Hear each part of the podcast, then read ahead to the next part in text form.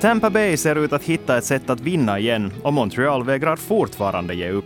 I det här avsnittet av Ylesportens NHL-podd fortsätter vi att titta på de glödheta semifinalserierna och med det har du som vanligt Anders Norensvan och Mattias Simonsen. Apropå att vara glödhet så Braden Point i Tampa Bay har nu gjort mål i åtta matcher i sträck.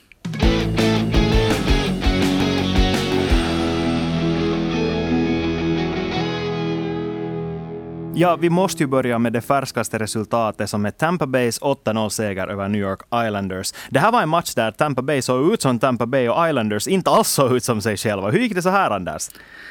Det var nog en besynnerlig match för att Islanders var, man brukar alltid säga att man inte var färdig för, man var inte vaken när matchen började. Så nu kan man nog med gott samvete säga att Islanders var liksom inte där när, när, när pucken föll till isen. Att det tog ju bara en minut för, för Steven Stamkos att föra upp Tampa Bay till 1-0 ledning och liksom det rullade rulla på därifrån vidare och vidare. I början av, av andra perioden när Tampa ledde med 3-0 så hade ju Islanders en stark start. Men så dödade Stamkos den liksom lilla spurten där också med, med ett mycket mycket fint och vackert 4-0 mål i powerplay. Så det, Islanders blev nog verkligen överkörda. Mm.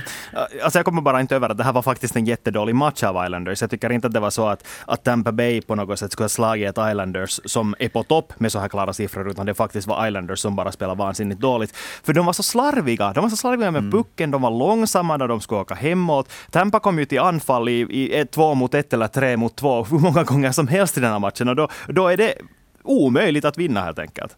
Ja, det, alltså, antingen var det så att Islanders inte alls var sig själva eller sen hade det där äh, Tampa på no, lyckats med no, någon sån här taktisk taktisk eh, grej nu för att, för att nu spelar de ju sig igenom hela tiden Islanders, Islanders liksom forechecken. Så de, som just, just som du säger, så de kom, kom så de kom i, i anfall med, med två killar mot, mot en back gång på, eller gång, på gång och, och liksom bara flög över den där mittzonen som vanligtvis nu under den här matchen har varit så svår för dem att, att, att penetrera. Mm, nej, men jag tycker att det uttryckligen just det där talar för att det här var en dålig match av Islanders. För helt, det kan inte se så annorlunda ut. Det finns finns inte någonting som man kan hitta på som gör att ens anfallsspel, en speluppbyggnad ser sådär mycket bättre ut. Det handlar helt enkelt om att Islanders-spelarna orkar inte forechecka. De hade inte energinivån som krävs för att slå de regerande mästarna i Tampa Bay Lightning. Och så ska vi också lyfta fram det här redan, som vi har talat om så otroligt många gånger redan. Men Tampa-spelarna lyckades faktiskt komma under skinnet på Islanders-stjärnor i den här matchen. Jo, Mark Rada kanske hade spelat lite fult där tidigare, hade enligt åtminstone Islanders Islanders fans jagar Jean-Gabriel Pajot. Men det kokar över hos Matt Barzal. Han åkte på ett matchstraff, kan till och med bli avstängd för att ha crosscheckat Rada i ansiktet. Inte har de råd med sånt här de har inte råd med, med, med sånt. Nej, det, det, är sant. Men, men jag skulle lite ta tillbaka det där, att, att, eller återgå till det där att, att äh, kan det se ut så här? Äh, nu har ju Islanders med sitt, liksom, med sitt lagmaskineri klarat sig jättebra. Men är det en möjlighet att nu såg vi liksom skillnaden när, när Tampa spelade ett liksom lika komplett lagspel och så har vi hela tiden också, vi har snackat om att, att, att Tampa har spelare för spelare så har de helt enkelt mera kvalitet i laget. Att när det är bättre spelare mot lite sämre spelare och man inte förlorar taktiskt så kan det se ut så här. Nej, alltså i, i princip så håller jag ju med dig. Och att det, det, finns, det råder ju inget tvivel om att Tampa hade bättre laget på pappret. Men Islanders har visat i, den här, i det här slutspelet gång på gång igen att de faktiskt är ett lag som jobbar så otroligt hårt kollektivt. Att du, du har den där femman som försvarar så kompakt, som spelar med en sån otroligt hög energinivå oberoende vilken kedja det är inne som är på isen. Och nu tycker jag inte att någon kedja alls kom upp i det här. Och sen om man kombinerar det här med dumma utvisningar, eh, inte nödvändigtvis bara dumma utvisningar som den här Barzals, utan också det att eh, ett tecken på att man är ett steg efter är helt enkelt det att man tvingas ta sån här tripping, eh, att man tacklar in folk i sargen lite så här desperat när man märker att man håller på att förlora varendaste närkamp. Så det, det är ju ett tecken på att, det, att man helt enkelt är ett steg efter i den här matchen. Men det har Islanders inte varit tidigare, så inte ska jag börja, inte ska jag börja dra i panikväxeln på grund av det här, men nu, nu är goda råd dyra för Islanders just nu för, för ett år sedan så slog ju Tampa dem med 4-2. Att nu kan det ju bli 4-2 igen. Jag säger inte att det, att det blir 4-2. Men Tampa har kanske, åtminstone nu för en lite kopplat greppet om det här Islanders spelsätt tycker jag för tillfället. Och, och det, det, det, har man kanske väntat. Tampa har, har ju kommit vidare hela tiden i det här slutspelet utan att kanske prestera på toppnivå i spel fem mot fem De har gjort, de har gjort mycket mål i powerplay, varit liksom dödligt effektiva. Men jag tycker en symbol för att fem mot fem-spelet har blivit nu bättre var att den här andra kedjan med Stamkos, Killorn och Cirelli, så de var ju fullständigt omöjliga för, för, det där, för Islanders i den här matchen och det har inte tidigare varit. Mm. Och på tal om i fjol så är det ju många som drar paralleller till den här första matchen i den serien som slutade 8-2 till Tampa Bay. Och, och då kändes det ju lite som att Islanders aldrig riktigt... De repade sig helt enkelt aldrig från den förlusten. Och nu är frågan om de lyckas repa sig efter en, här, en sån här chockförlust på så här kort varsel. Det, det är två matcher som återstår för deras, ur deras perspektiv. Nästa match, den sista hemmamatchen någonsin i Nassau Coliseum eventuellt, om de inte går vidare till Stanley Cup-final. Så nu, nu känns det ju som att de har alla tiders chans att vända det nu med ett enormt publikstöd i ryggen. Och så brukar det ju ofta bli, vi ska komma ihåg hur det gick i första matchen mellan Colorado och Vegas när Vegas fick stryk med 7-1 och sen vann de. Sen började de rada upp segrar. Så, så det är ju nog typiskt att ett sånt här bra lag, ändå topplag, kommer tillbaks efter en sån här riktig platsmatch. Att, att, att det kommer nog att den här, det, det kommer att vara ett laddat Islanders som kommer till sista matchen.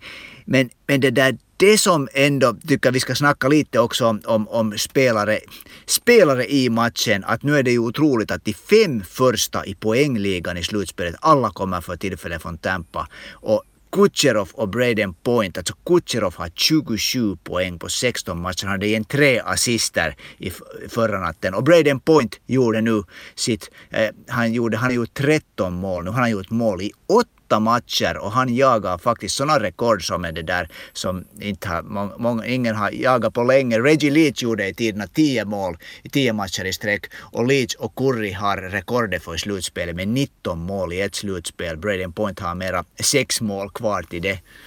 Kutjerov och Braden Point, fast man vet hur bra de är, så blir de ändå ofta lite, lite liksom i lev. Vi talar om, om sådana här andra radarpar, om andra spelare, men det där jag börjar nog undra på allvar att är det sen också så att, att Braden Point är den mest kompletta centern i, i dagens NHL. Ja men, ja, men vad, vad ska vi nu då tro om det här? Vad tror du? Efter 8-0, nu åker man hem till, till Nassau Coliseum och måste vinna den här matchen för att få en sjunde match. Blir det en comeback? Får vi se en match 7 i den här matchserien? Det som jag tror att kommer att mätas nu är huruvida Islanders lärde sig någonting från i fjol och om de lärde sig hur man ska hantera en så här stor förlust. De har inte åkt på en sån under det här slutspelet. Nu är det helt upp till det att hur de minns hur de ställde om efter den matchen, vad de kan göra annorlunda. Jag tror faktiskt att de har alla möjligheter att göra det. De har alla chanser att vinna nästa match och det kommer att bli en Game 7 i Tampa Bay. Men där vågar jag faktiskt inte säga någonting om vem som vinner. Men jag håller nog fortfarande fast vid mitt tips ändå,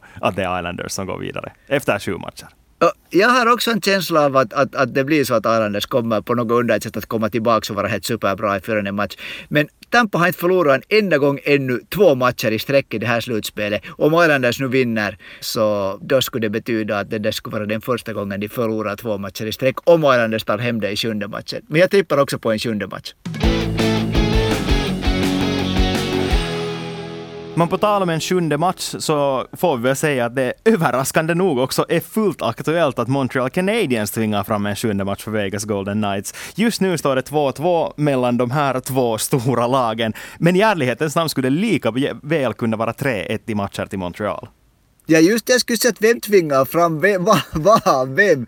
För nu var det ju faktiskt den här matchen som, som Montreal nu, eller som Vegas nu vann i Montreal och utjämnat till 2-2. Så det var ju faktiskt den första matchen i serien som Montreal var klart bättre egentligen genom hela matchen. Men då förlorade de. Den här serien är nog liksom, den är också så besynnerlig och intressant. Nej, alltså det som framförallt är imponerande är hur Montreal klarar av att spela bort Vegas offensiva stjärnor. Med tanke på att det, det, det förhandstipset var ju det att Vegas skulle vara för mycket för Montreal. Det fanns inte något sätt som, som Montreal skulle klara av att vinna de här matcherna. Att Vegas har en sån offensiv kapacitet som inga andra motståndare har haft hittills under slutspelet för Canadiens del. Men ändå, ändå lyckas de försvara tätt. De lyckas hålla målen till ett absolut minimum varje match och det ser ut att räcka väldigt långt. Ja, alltså, vi har ju de här, de här fyra stora backarna i Montreal som, det där, som är helt superbra. Och nu, har de, nu talar alla plötsligt om att Montreal har en av de bästa backtrupperna i NHL. Men inte var det så här som man talade för några månader sedan. Nu tyckte man att,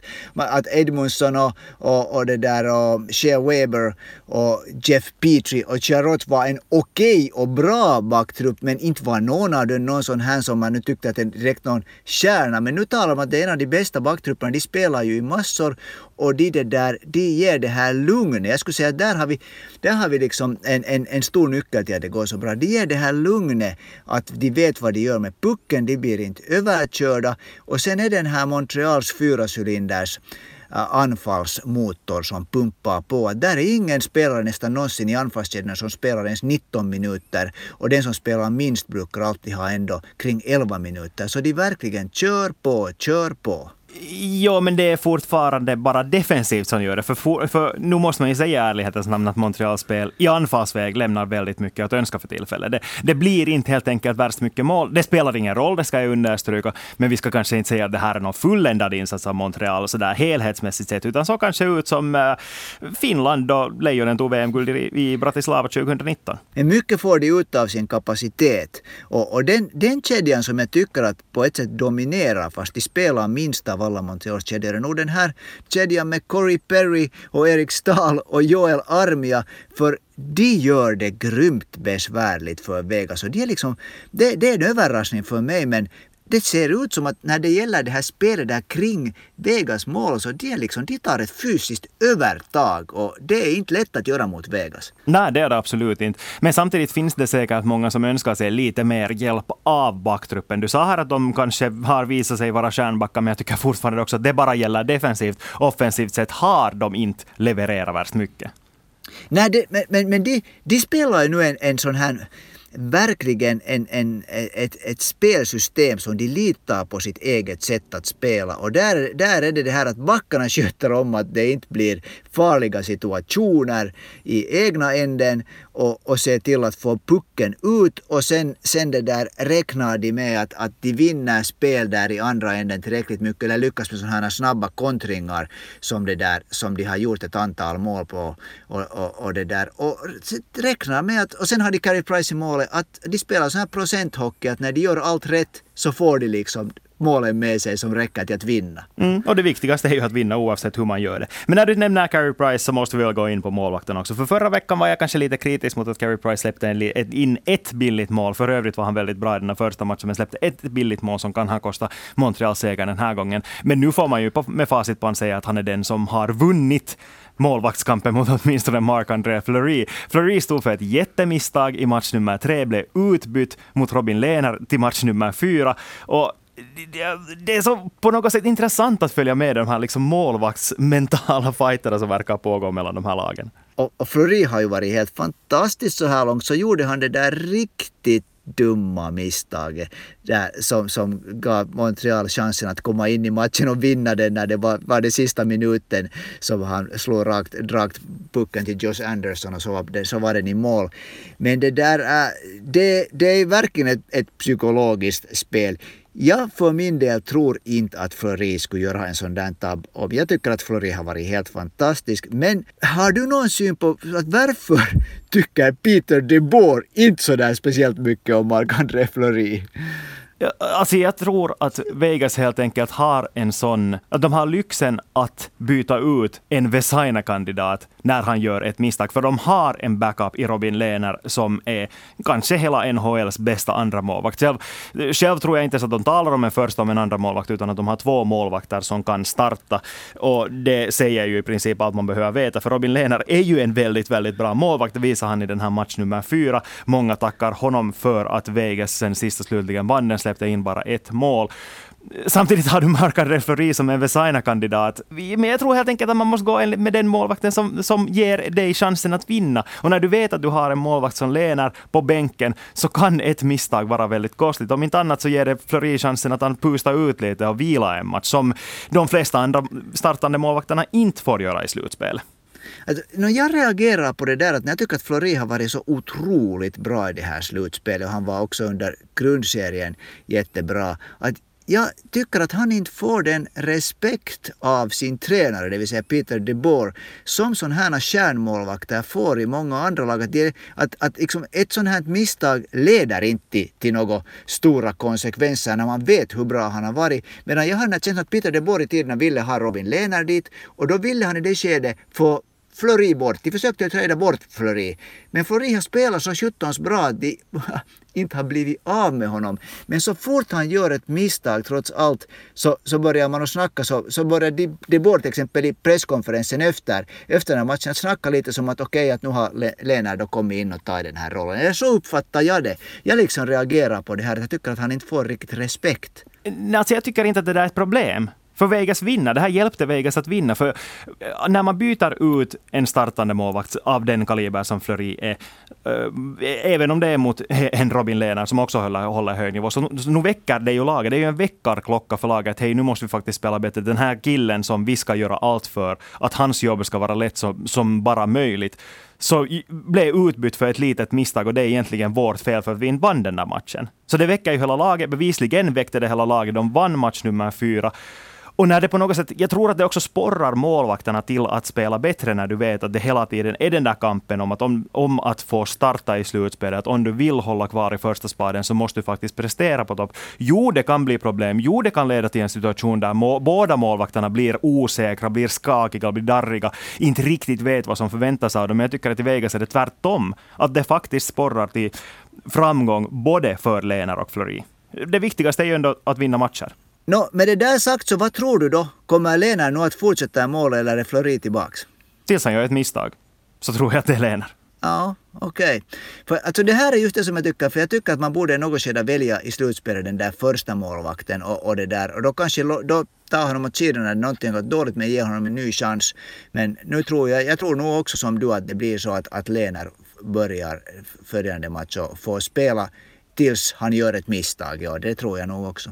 Men vad ska vi tippa om den här matchserien då? Tror vi att det går till en Game 7 eller fixar till och med Montreal det före det? När du, när du nu sa att det är Vegas som ska forcera fram en, en, en sjunde match. Den är så besynnerlig den här matchserien att, jag, jag, att, att de där knutarna skulle reda ut sig så att någon deras skulle få härifrån liksom en, en fribiljett till finalen. Nej, det, det, det, det står nog på någonstans liksom skrivet sju matcher, sju matcher, sju matcher liksom i öde för den här matchserien och jag håller tummarna för det. Det skulle nog vara härligt.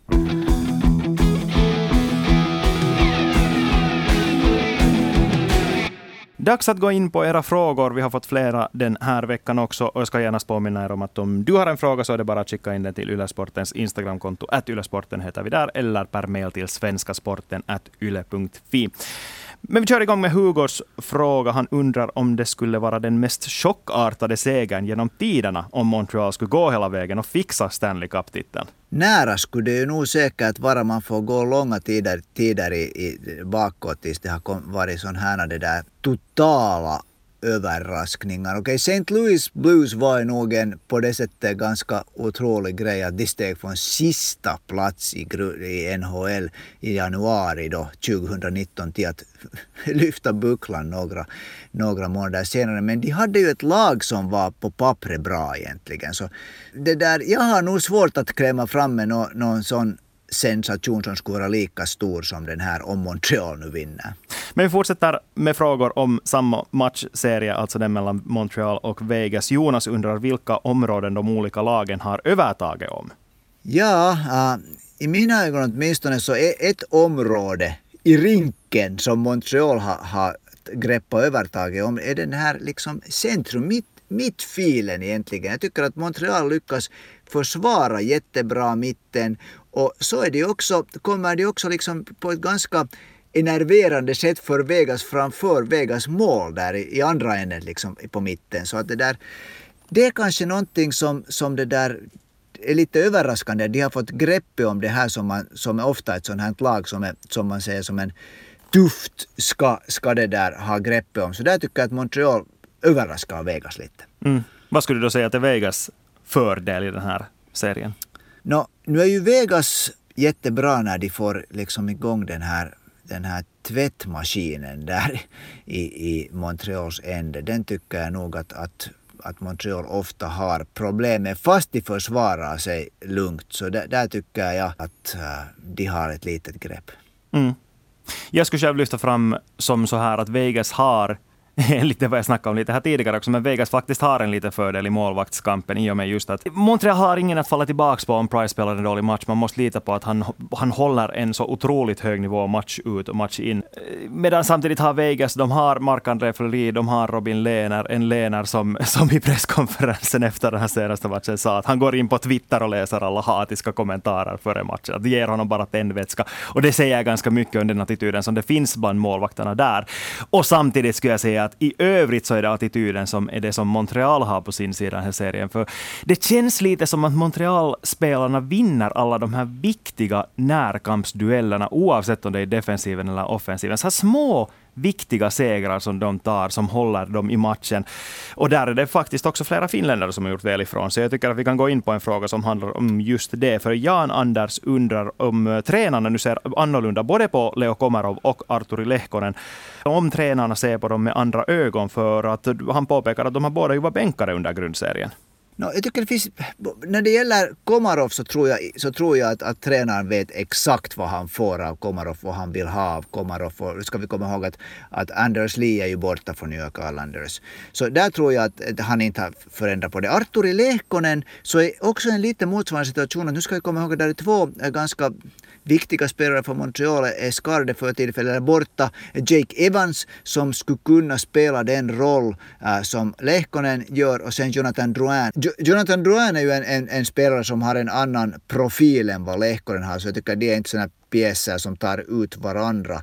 Men det där Lehkonen äh, på det sättet så, så kanske ja, jag ska säga så kanske han har en, en, en annan det där prestige nu för han, var, han, har varit, han har varit jätteviktig till exempel när de kom vidare från den här senaste serien. Han gjorde, han gjorde det där viktiga insatsen, han gjorde ett mål, han passa han det där, så jag tror att, att hans liksom den här identitet som en sån här spelare för, för stora stunder som, som jag tror att vi i Finland har vetat att han har i sig. Så det där att den håller på att bli klar också mer och tydligare i Montreal. Det här tror jag. Eh, jag ska också säga att det viktigaste här är ju att minnas det att just helt som du sa, att de här stjärnorna är skadade och det fanns luckor i truppen som måste fyllas. Men också där både Komarov och Lehkonen har en lite samma roll i den kedja som de spelar. De ska vara de som gör det där osynliga osynliga jobbet så att de här mer offensivt kunniga, det är lite elakt sagt men jag säger det ändå, att de här mer offensivt kunniga spelarna i samma kedja ska få stiga fram.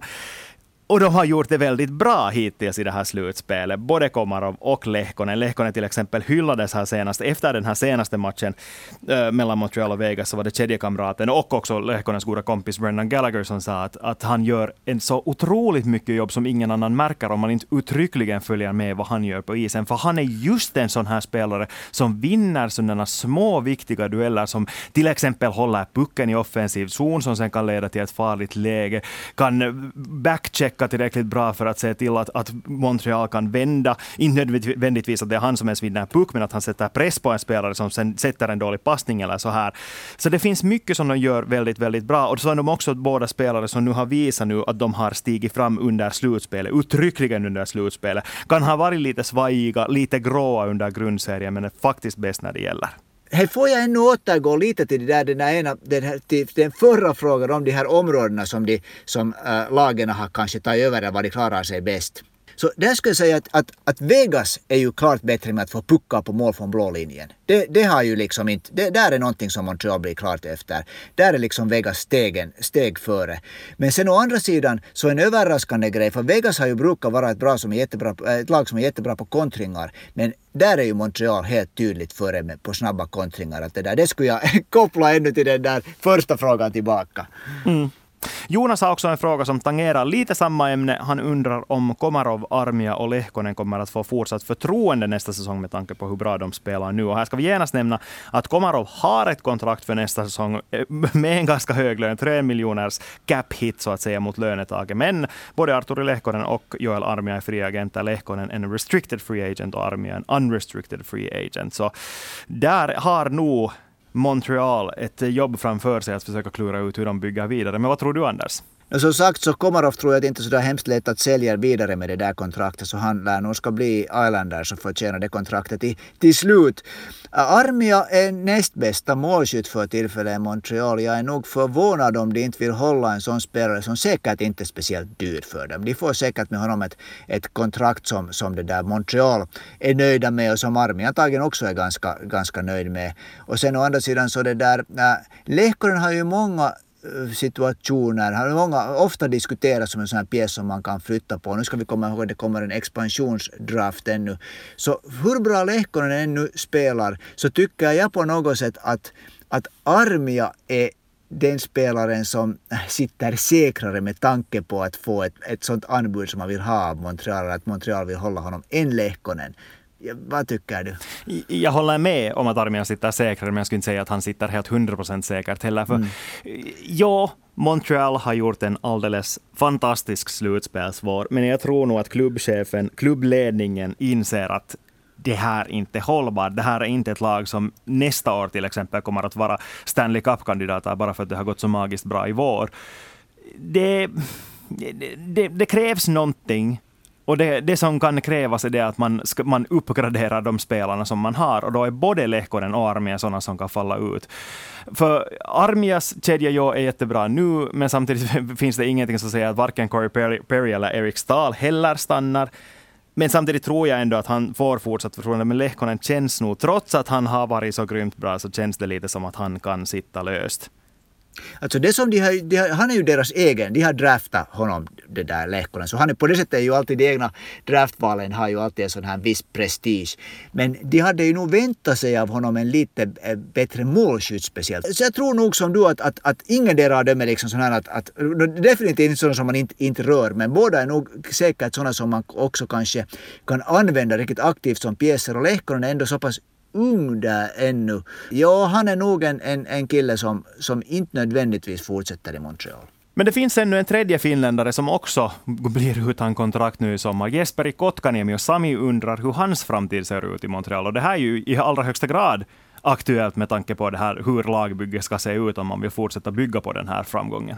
Ja, för mig ser det ut som Montreal skulle ha fått svar på, på en fråga gällande, stora frågor gällande framtiden. De har nu när det gäller forward så har de Nick Suzuki, Jesperi Kotkaniemi och Cole Caulfield som jag är övertygad om att han i Montreal ser som, som den här. Det är Montreals framtid. Och Jesperi Kotkaniemi är en viktig kugge där. Jag, jag, jag skulle tro att tanken är att Nick Suzuki blir första center och Jesperi Kotkaniemi blir andra center. Och då har man den saken löst för tio år framåt i princip. Så Jesperi Kotkaniemi tycker jag att, att ha visat det här slutspelet, trots att han fortfarande gör sina misstag och har mycket att förbättra på i sitt spel, men han gör många saker jätte, jättebra. Och han är stor och han är stark och han är också skicklig. Så att han har nog en, en, en stor framtid i Montreal, det tror jag. Mm, men jag tror inte att han nu i sommar till exempel att, kommer att få något jättekontrakt, utan det att antagligen kommer att bli ett sånt här brokontrakt. För att Montreal ska få se om han, hans utvecklingskurva, ska, ska vi säga så, att, att den ska vända uppåt så brant som de förväntar sig när de tror honom som tredje spelare i draften. För när du tar någon som trea så finns det ett ganska högt väntevärde på dig, speciellt i en stad som Montreal.